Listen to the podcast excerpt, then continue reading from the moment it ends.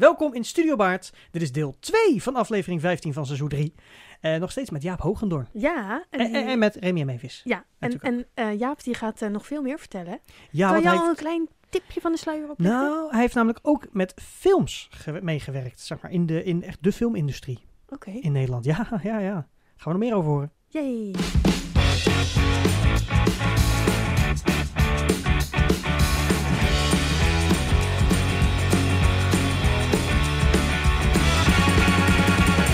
Als je dat voor het eerst zo neerzet, dan, dan hoe, hoe, hoe ervaar jij dat dan? Om, om te zien dat, dat de formule eigenlijk ook zo makkelijk op te schalen is. En dat mensen daar nog steeds zo enorm van kunnen genieten.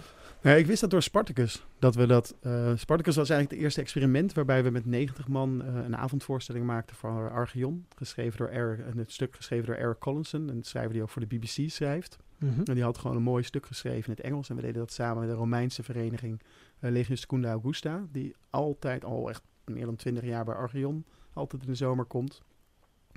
En die wilde eigenlijk wel een keer iets nieuws. En die Eric heeft toen een stuk geschreven. En gevraagd, nou ja, kun jij dat dan produceren? Ja, ik zeg, ja, super tof. Ja.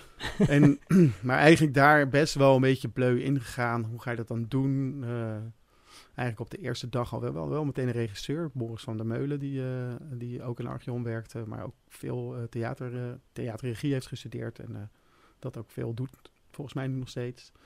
Um, aangetrokken.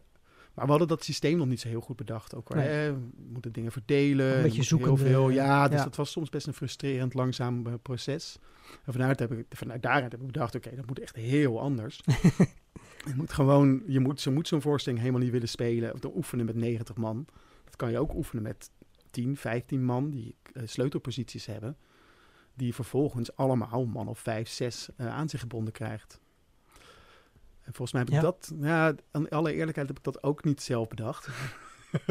ik mocht, uh, nadat ik Spartacus gedaan had, van de directeur van Archeon, die zei, ja Jaap, je moet echt naar Puy de Fou in uh, Frankrijk. Ja. Het grote theaterpark, theaterhistoriepark. Mega, mega Ja. voorstellingen, ja, shows ik, eigenlijk. ja, worden daar wil ik wel heen, maar dan wil ik uh, dan wel een blik achter de schermen kunnen hebben. en uh, ik wil eigenlijk wel met iemand spreken ook, uh, die daar gewoon over gaat. Dus toen hadden we via het kantoor een mooie brief opgesteld. En toen nou ja, mocht ik dus uh, ook nog langs op audiëntie bij de directeur internationale Geweldig. betrekkingen. Ja. Die een, Nederlander bleek te zijn. Oh. Die zei, maar ja, weet je, als je naar Puy de Fou gaat, dan moet je ook naar de Cinecenie. En de Cinecenie is waar Puy de Fou mee begonnen is. Oké. Meer dan 40 jaar geleden. Je ziet het in heel veel Franse steden. Dat zijn van die middeleeuwse ja, dorps uh, theaterstukken. Waar ze um, ja, gewoon een verhaal vertellen met 100, 150 man. Uh, en bij is dat dus ook begonnen met 150 uh, man. Langzaam het jaar erop met 200, dan 300. En dat is nu in gemiddeld 3000 man die daar meedoet aan die voorstelling. Oké. en daar hebben ze bedacht, ja, weet je, we moeten gewoon van tevoren, moet dat, die, die tekst die er allemaal gespeeld, niemand van de spelers moet tekst hebben. De afstand publiek is zo groot dat het helemaal niet nodig is. Het moet ingesproken worden van tevoren. Doe Juist. eens niet hoor trouwens. En ik kreeg, uh, nou dat terrein is voetbalvelden groot. De verste locaties die je ziet vanaf de tribune, die gigantisch is trouwens, um, is, zijn een kilometer van de tribune af. Oké. er staat een ja. molen en elk onderdeel, ze hebben gewoon rond als de coulisses hebben ze dorpjes. Waar ze hun eigen kledingafdeling hebben. Waar stallen zijn voor paarden. Um, Gewoon volledig. en iedereen op de verschillende zeg maar. locaties op dat, op dat speelveld, uh, om het maar zo te noemen, heeft gewoon precies, weet precies waar hij heen moet. Maar dat wordt dus aangestuurd door, door ja, een soort van kapiteins. Die gewoon wel precies weten waar je heen moet. En dan, ja, je kunt gewoon meedoen uh, met zo'n groep. Ik heb niet meegedaan, maar uh, in principe hoef je dat niet eens zo heel erg groot te oefenen. Toen dacht ik, oh, Nee, precies. Van Logisch, wat je net zei. Als je inderdaad, uh, stel dat je negen mensen, uh, uh, dat je met negen mensen het repeteert. Ja. Dan zou je aan elk van die negen mensen, zou je nog tien mensen vast kunnen Ja. plakken. En je hebt 90 man lopen die, ja, als dat groepje een beetje natuurlijk werkt, dan is die groep van, ja, Gewoon dan ook kan je heel makkelijk opschalen. ja. Ja, en dat hebben we dus bij, bij Spartacus niet gedaan. Maar heb ik later bij voorstellingen wel gedaan. En bij Vlaardingen, ja, dan had ik 300 man. Ik heb de, de, mijn leger moest heel veel. Dus ik heb mezelf gewoon de, de aanvoerder ja. van het leger gemaakt. Kon ik ook lekker lang blijven leven.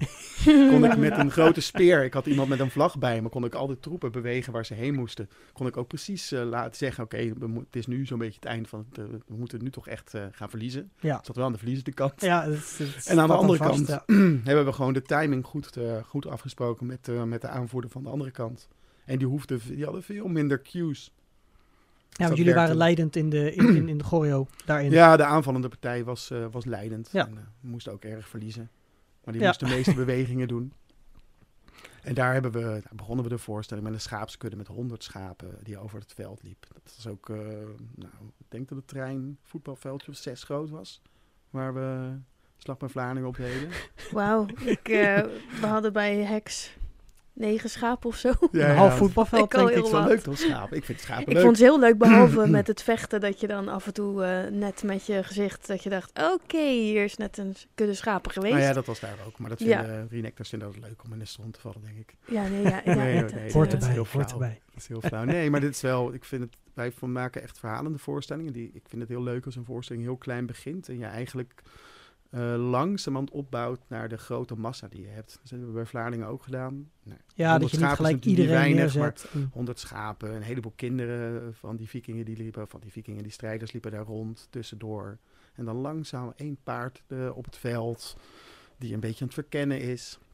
En dat dan langzaam, eh, gewoon, en dan een paar vechters erop, die een soort kleine schermutseling hebben. En dan langzaam dat leger opbouwen, bouwen. Ja, ben ooit eh, in het legermuseum in Istanbul geweest. oké. En eh, nou ja, daar was heel groot aangekondigd de presentatie van de militaire band uit de 19e eeuw. Nou, super cool. En wij gingen in die zaal zitten en er werd een film vertoond. Ik dacht, ja, zeg wel een Hmm. beetje, is dit het dan? Ja. dit had ik niet gedacht. Het zag er allemaal heel live uit. Ja. Nou, en opeens, die film is klaar en er begint opeens een trommel te trommelen.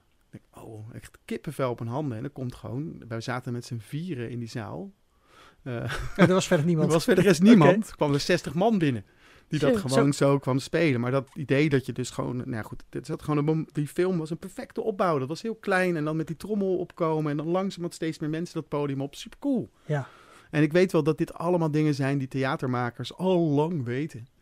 Nou, Eh, ja, maar het is, het is, dat wil niet zeggen dat het eh, niet, niet opnieuw ontdekt kan maar worden. goed, ik was eh 21 hoor toen ik dit zag. En toen bedacht, oh wauw, goed idee. Nee, maar weet je, wat het, gewoon weet, implementeren. weet je wat het mooie is? Het is net als met psychologie. Als iemand jou vertelt dat het zo is, dan komt het niet aan. Maar als jij het zelf ontdekt, dan kun je daar veel meer mee. Zeker En waar. dan weet je ook wat je wil toepassen. En ik denk dat je dat effect dus, want je zegt 21, dus je hebt waarschijnlijk daarna nog vaak genoeg toegepast op Ja, een manier Ja, dat je denkt van ik ga mijn om, publiek eh, nu kippenvel Nou, geven. het is heel leuk om klein te beginnen en niet te laten zien hoeveel spelers je eigenlijk achter de hand hebt. Nee.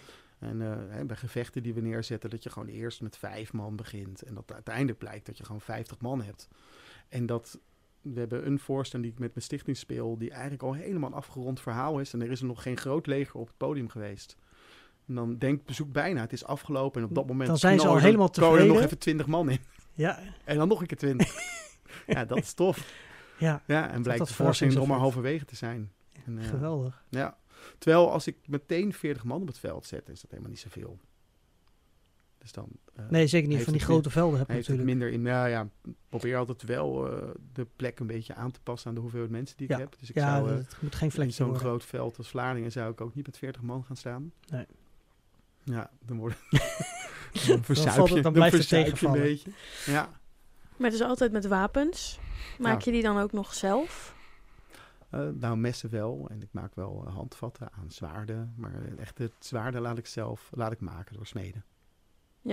Dat is wel echt een vak apart. eh. Ja, iedereen heeft zo zijn ambacht. ja. Nou, heb- gelukkig.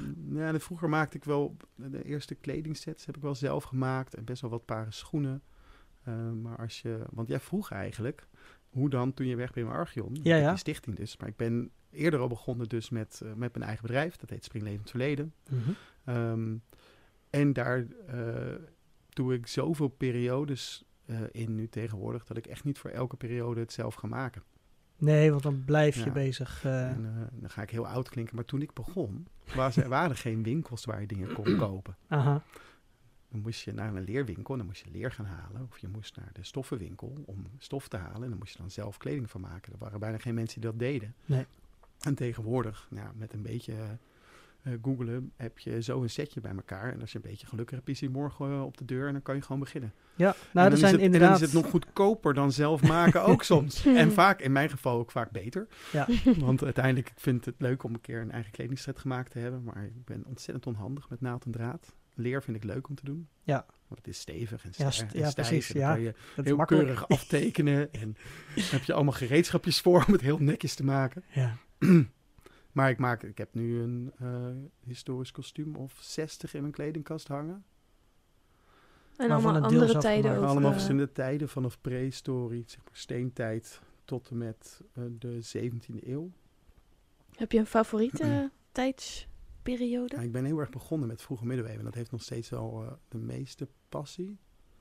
Daar doe ik ook het meeste vechten in. Ik vecht elke week uh, twee uur zo'n beetje. En dat doe ik voornamelijk met wapens en, uh, en andere dingen die uit de vroege middeleeuwen, of replica's van vroege middeleeuwse wapens. En schilden en speren en bijlen en messen. En, um, en ik vind die periode leuk omdat het heel erg de overgang is tussen uh, toch een beetje prehistorie en de wat stijvere, de wat strakkere, meer stedelijke middeleeuwen. Dus als je, ik vind heel veel dingen leuk om te doen. En voor middeleeuwen, de meeste middeleeuwse mensen die waren gespecialiseerd op één bepaald ambacht. En als vroege middeleeuwen, ja, als ik zin heb om een beetje been te bewerken, is dat niet per se, dan kan dat prima. Of, uh, dat is nog steeds een keer accuraat, zeg maar. Uh. Ja, en het is voor mij een van de, re de, de reenactment scenes die uh, het meeste die belevingskant op gaat. Dus ik heb wel Romeinse groepen die zich meestal, er zijn nu wat ontwikkelingen in, maar de meestal kleden ze zich s'avonds om. Ja. Vikingen doen dat ook, maar die trekken dan nog een mooier pakje aan.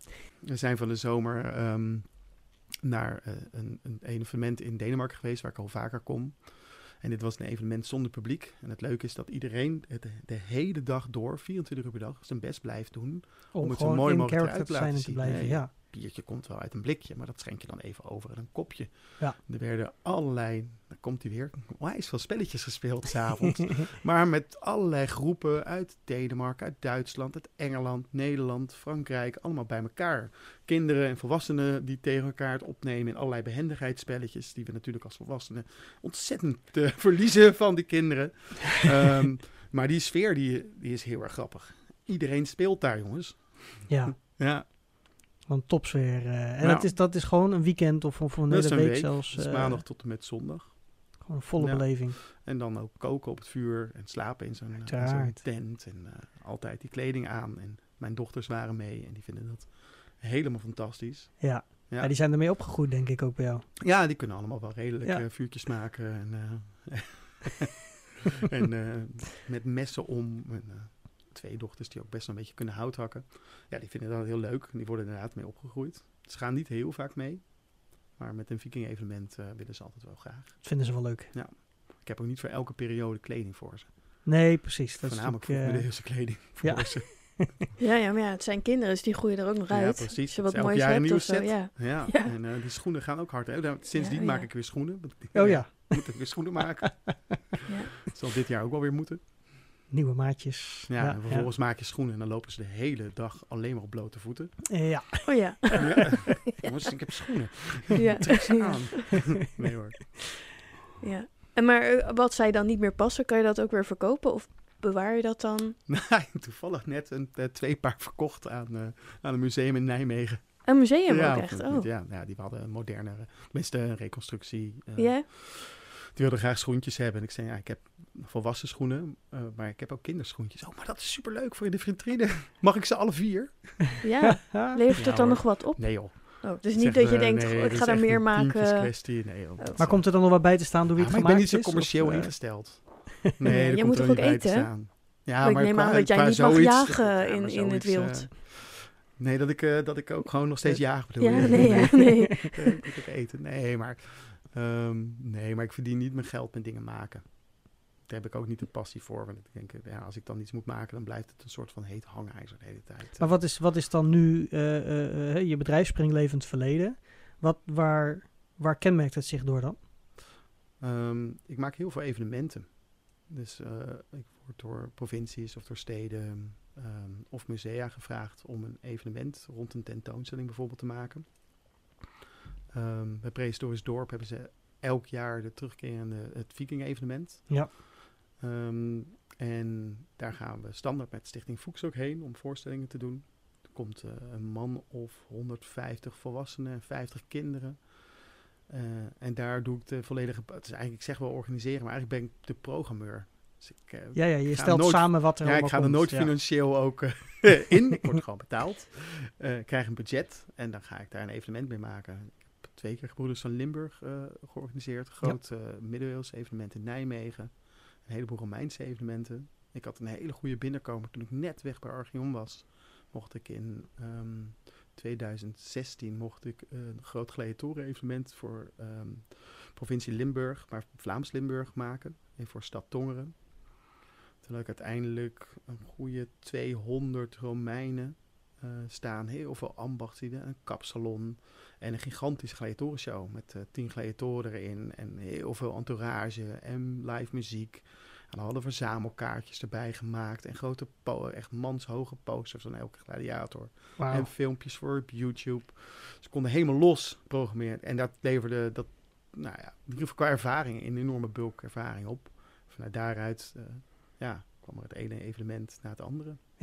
Nou, maar dat is natuurlijk als je, als je jezelf goed laat zien als organisatie, dan gaat een andere, andere evenementen gaat daar natuurlijk ook eh, dan beroep op willen doen. Dus dat, is, dat, dat groeit Ja. dan zichzelf verder uit. Ja, en dan naast de evenementen, sta, naast evenementen organiseren, sta ik ook regelmatig als, op evenementen om ambacht te doen. Dus ik, heb, ik doe veel houtbewerking, nog steeds. Zoals? Ehm, nou, ik, ik doe vaak heel grof houtbewerking.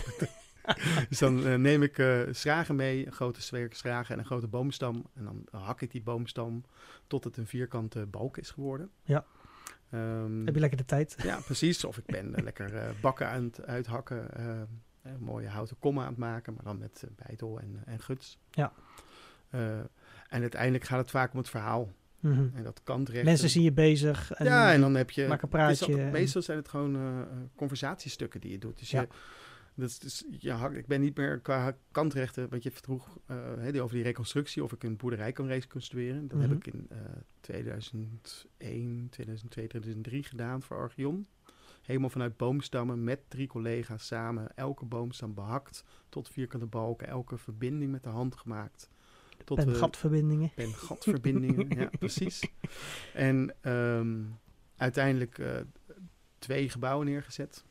Best wel grote boergebouwen, eh, waar we dus echt alles helemaal met de hand zo'n beetje van gedaan hebben. Ja. Behalve het omhoog zetten van de spanten, daar hebben we stiekem een hijskraan voor gebruikt. Dus misschien met de moderne veiligheid wel Ja, eh, verstandig. Precies, nou, dat ja. was een van de overwegingen. Aan de andere kant hadden we ook tien man nodig en het was oktober. En het was, daar werkte op dat moment bijna niemand in Archeon. Dus Nee. dan in die winter waren we met een klein bouwploegje. Ehm, dus uit die ervaring put ik ook weer in die verhalen. Maar ik heb dus niet, toen had ik een hele goede houthakconditie en dat heb ik tegenwoordig niet meer zo. Dus ben ik heel blij dat ik even werk. tien minuten ja. aan het hout hakken ben in zo'n boomstam. En dan ik dan opkijk en dat het publiek even vijf minuutjes wat kan vertellen. En dan weer een paar Even minuten hakken. En Is alles wat jij ritme. vertelt altijd pre- helemaal historisch correct? Nou, ik probeer wel eh, mijn, dingen die ik vroeger vertelde, die blijken achteraf toch niet altijd helemaal waar geweest te zijn. Maar je, Oh. het is altijd met voortschrijdend inzicht. Je leert steeds meer. Ja. eh, je leert bij. En dat, ik probeer wel de kennis elke keer bij te schaven. Ja. Ja. Ja, door te lezen of te luisteren. Een leuke podcast te luisteren over geschiedenis. Ehm, en die, eh, of naar lezingen te gaan, musea te bezoeken. En dan leer je gewoon weer langzaam bij. Ja. Want je bent ook eh benaderd natuurlijk met eh, al je, je kennis en kunde feitelijk. eh, om ook eh, historisch mee te kijken, te denken en ook te helpen verzamelen voor films, als het goed is. Ja. Voor, voor, voor televisieproducties. Ja, ik had het, het Viking Weekend in, eh, in eh, het Eindhoven gedaan. En toen kwam daar eh, op een dag, op dat, op dat Viking evenement, kwam de producent van Redbad, de film, kwam langs. Een Nederlandse vikingfilm. Een eh. Nederlandse, ja, vroegmiddeleeuwse eh, gebaseerde film. Mhm. Ehm, en die zochten een, een art director. Dus degene die alle props verzamelt, alle materialen, regelt. Maar natuurlijk wel met verstand van Ja, dat periode. zeiden ze toen. Oh. maar al heel snel in het proces is allemaal gevraagd. En daar kwamen nog wat andere mensen bij die uit andere werelden kwamen. En ehm dus die wel wat meer uit de gewone eh, filmwereld kwamen. Mhm. En langzamerhand bleek dat het beeld van de regisseur van wat authentiek was... niet echt strookte met het beeld dat ik daarbij heb. Aha. Ehm, toen heb ik even nagedacht of ik, het, of ik het wel leuk zou vinden om dat project te blijven doen. En toen dacht ik, ja, het is ook wel weer een, echt, een, nou, echt een enorme ervaring om aan zo'n groot project mee te doen. Het was een film met een budget van ruim 8 miljoen. Waar je dan verbazend weinig van uiteindelijk in de props gaat zitten. Nou, Oh, ja, we maar kunnen de Het Red gaat, niet daarin, ja. eh, Nee, er zit, maar, eh, er zit uiteindelijk maar een ton zo'n beetje in de spullen. Er gaat Ja. heel veel geld en allerlei andere dingen zitten. Ja, tuurlijk. Het gaat hard. Ehm, maar daar uiteindelijk wel best een paar leuke dingen voor geregeld. Ehm, mogen regelen. Eh, het zwaard dat Redbad mee vecht, dat heb ik laten maken door een Engelse smid. Dat is helemaal eh, damast, zou je dat moeten noemen. Of, eh, of laagjes staal met een mooi patroon erop. Ja. Het handvat dan weer gemaakt is ontworpen door een Zweedse vriend van mij. En gegoten door een Nederlandse vriend en samengesteld door een Nederlandse vriend. Die Zweedse vriend heeft ook de grote fibula die heel erg eh, kenmerkend is voor die film gemaakt. Wat is Ah, dat? Oh, fibula is een grote mantelspeld waarmee je Ah ja, ja. normaal gesproken je mantel dicht doet. Maar op een of andere manier had de kostuumafdeling van, eh van eh Red Bull bedacht dat dat ook een soort speld was die je gewoon maar voor op je tuniek doet. Doet dat Een zeer als je dat soort dingen ziet dat je denkt, maar Ja. dat klopt niet? Ja, ja weet je, bij Red Bull heb ik er echt, de- de- de Red Bull heb ik echt twee weken lang bij mezelf nagedacht. Wil ik dit eigenlijk wel? Elke dag gedacht, wil ik dit eigenlijk wel? Om hier aan mee te doen, want Het ja, klopt Het niet, klopt ja. er voor geen meter. Je moet, Zit je moet eh, maar mee Nou, buigen met... En interessant genoeg werk ik nu voor een productiemaatschappij waar de opnameleider dezelfde opnameleider is van Redbad. En die zei, eh, ja, ja, interessant project. Ik zei, ja, daar klopt alleen niks van. Huh? Echt niet? nee. ja. Nee, dat klopt echt. Nee, Redbad is, historisch gaat het helemaal nergens over. En dat, eh, ik heb daar echt gekozen om het project te doen, omdat het een filmproject is binnen in Nederland, waar je, waarvan meer dan 8 miljoen, waar je aan mee kan werken, waar je enorm veel ervaring op kan doen. Ja. Een kans die je niet wil En- laten schieten, simpelweg. Wat binnen mijn wereld, dat historische correcte is heel belangrijk. Binnen die filmwereld is dat stukje ervaring heel belangrijk. En dat had ik niet Ja. eens bedacht. Uh, maar ik werd een paar jaar geleden gebeld door de productieleider van uh, Het Verhaal van Nederland. En die zei, ja, nou ja, goed, die had van mij, die was een paar keer, uh, had hij over mij gehoord door een aantal uh, reenactors die die eerder sprak. En wat vechtgroepen met wie die werkte, dat ze mij moesten hebben als het ging over historische wapens en over locaties en over mensen regelen. En die is toen gaan kijken, oh ja, wat heeft hij dan nog meer gedaan? Oh, heeft Redpad ook gedaan. Dus hij heeft ook wel filmervaring. Dus dat, tel, dat werkte toen gewoon hartstikke mee. Ja, ja, ja. ja. Dus in de, red, in de reenactment wereld moesten ze een beetje lachen of, uh, Ja. omdat ik daar aan meegewerkt had. Nou, ze hebben niet heel lang geplaagd hoor. Tot gisteren en toe. Nou, maar aan de andere kant zijn ze dan ook wel jaloers dat je daaraan hebt mogen meewerken natuurlijk. Nou, weet ik niet of hij jaloers is. nou, weet ik niet. Ik heb die jaloersheid nooit zo gevoeld. Nee, nee, Ehm, maar ik kan me hebt ook voorstellen gezonde dat... jaloezie, dat ze het jou Ja. ook gunnen, maar het zelf ook leuk hadden gevonden. Ja, nee, maar ik kan me ook Ja. die struggle wel voorstellen. Eh, datzelfde hebben we bij het theater. Ook als we... eh, eh, ik ben ook uiteindelijk na eh, het samenwerken met jou ook Stage Combat gaan doen. Eh, als choreograaf, zeg maar, om kleine verenigingen, kleine scènes te zetten, met wapens eh, eh, eigen te maken en daarmee aan de slag te gaan. En dan moet je ook wel eens inleveren op wat een productie vraagt ten opzichte van wat je zelf denkt dat beter is. Uh, gezien veiligheid zet ik altijd wel mijn hak in het zand, want dan gaan we niet anders doen. Maar um, gezien uh, show, ja, als, als, als een bepaald iets in, de, in, in het gevecht getoond moet worden, dat je denkt, het ziet er niet uit, maar ze willen het per se, ja, dan moet je soms wel in. Uh, maar ik denk dat het, wat je zei bij Radbad, natuurlijk wel echt een, een, een heel stuk verder ging. Als je er twee weken over na moet denken of je... Nou, het is gewoon een fantasyfilm. Ja, daar komt het dan is misschien neer. wat overdreven. Maar ik Nee, heb nee, echt maar- wel ja. een tijd mee, een, beetje, een beetje met mijn ziel onder mijn arm gelopen. Binnengehaald om het zo historisch mogelijk te maken. Al heel snel eigenlijk gezien dat het niet zo de bedoeling was. In het begin ook heel veel eh, mensen uit mijn, uh, uit mijn reenactment kennissenkring aangedragen. Om te kijken of ze mooie wandtapijden konden maken. En uh, ik heb een hele lange proplijst. En al heel veel ambachtslieden bijgezocht. En dat lang, langzaam bleek gewoon dat dat allemaal niet de manier was hoe ze het wilden maken. En toen ook gewoon wel weer op een andere manier geprobeerd die expertise erin te zetten. En dus die hele, die noemen ze special builds. Zo'n zwaard. Ja. Uh, Om in ieder geval daar... wat duurder is. Ja. Ja. want het zwaard van Redbad zijn eigenlijk stiekem vier zwaarden. Ze hebben het hele mooie uh, patroon gesneden zwaard.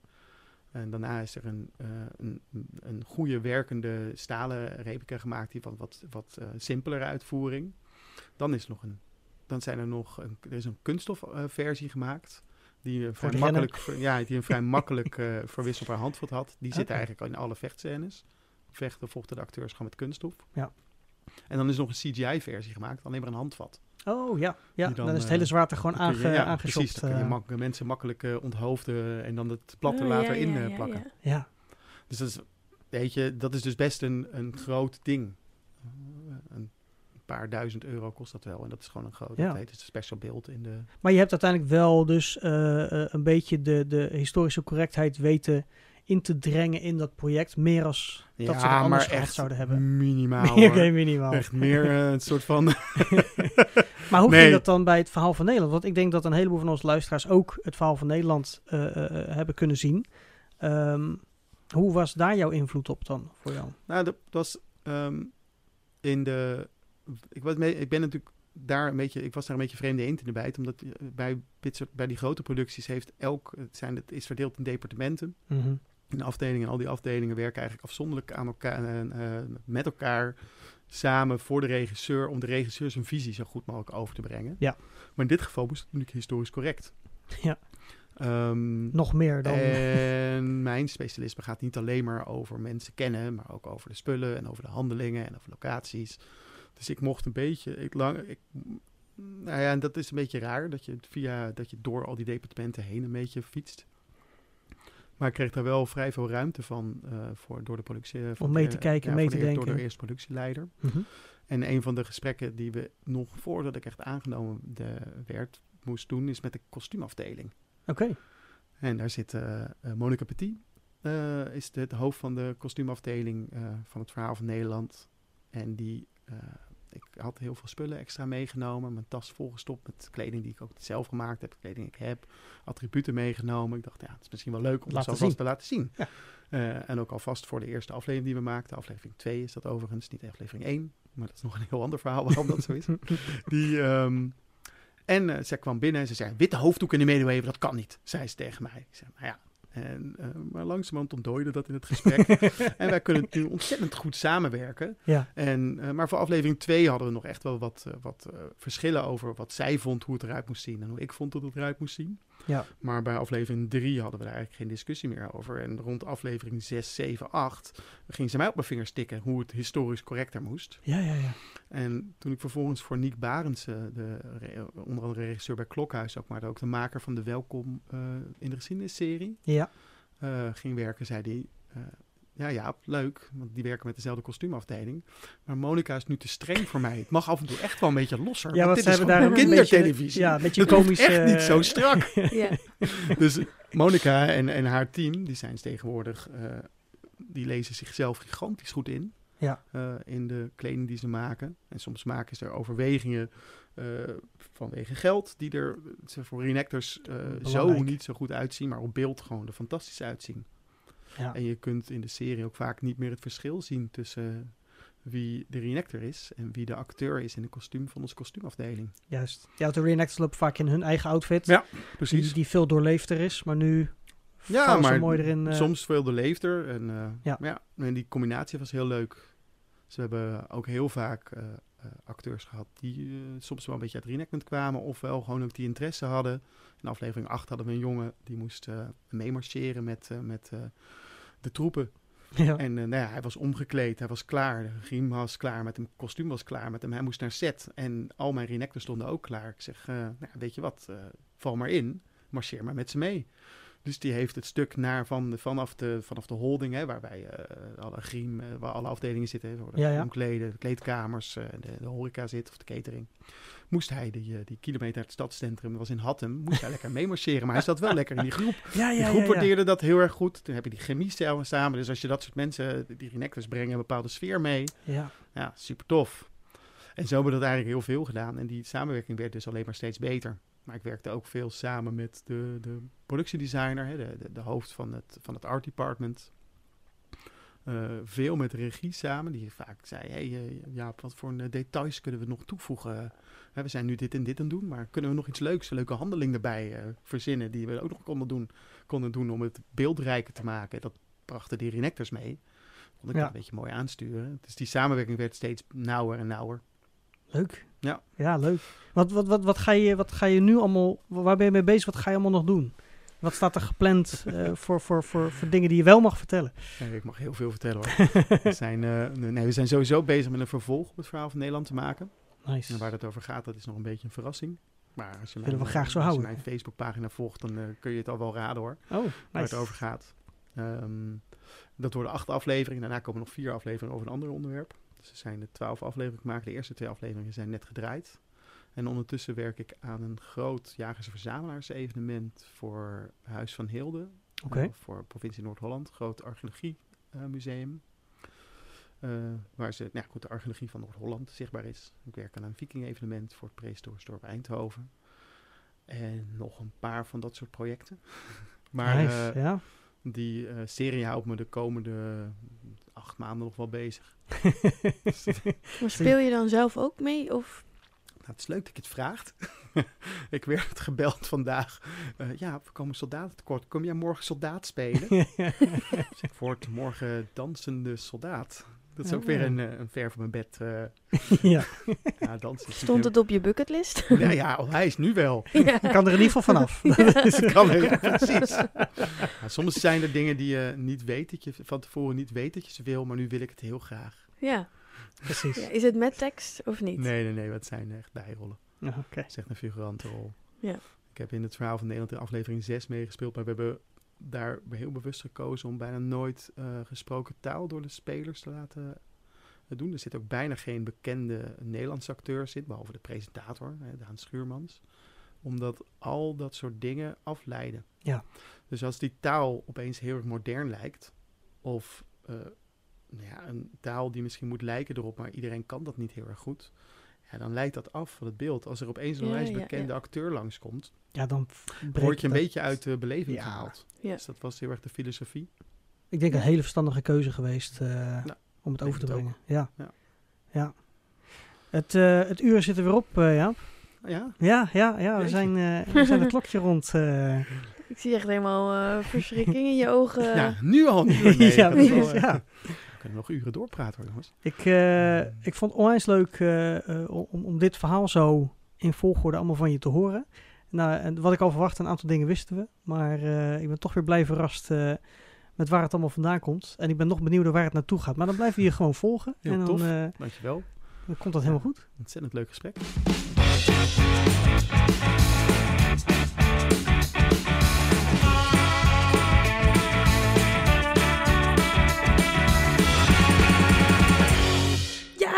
En we, hebben helemaal, we zijn helemaal klaar voor de strijd. Ah, we hebben zin om te trainen en een zwaarder nou, te trainen zwaaien. niet, en- trainen overslaan. Gelijk hop op de vuist. Nee, nee, nee, nee, veiligheid eerst, show 2. Maar ga jij voor, ehm, heb je liever handgevecht of liever met wapens? Oeh, dat is een goeie. Maar ik denk toch met eh, eh, wapens. Wapentrainingen en dan veel variaties. Nee, maar dan, dan ga ik nu ook een wapen pakken, anders is het oneerlijk. nee, maar jij mag best met hand vechten hoor. Nee, tegenwoordig. nee, nee. Ik ben nou weg. Doei.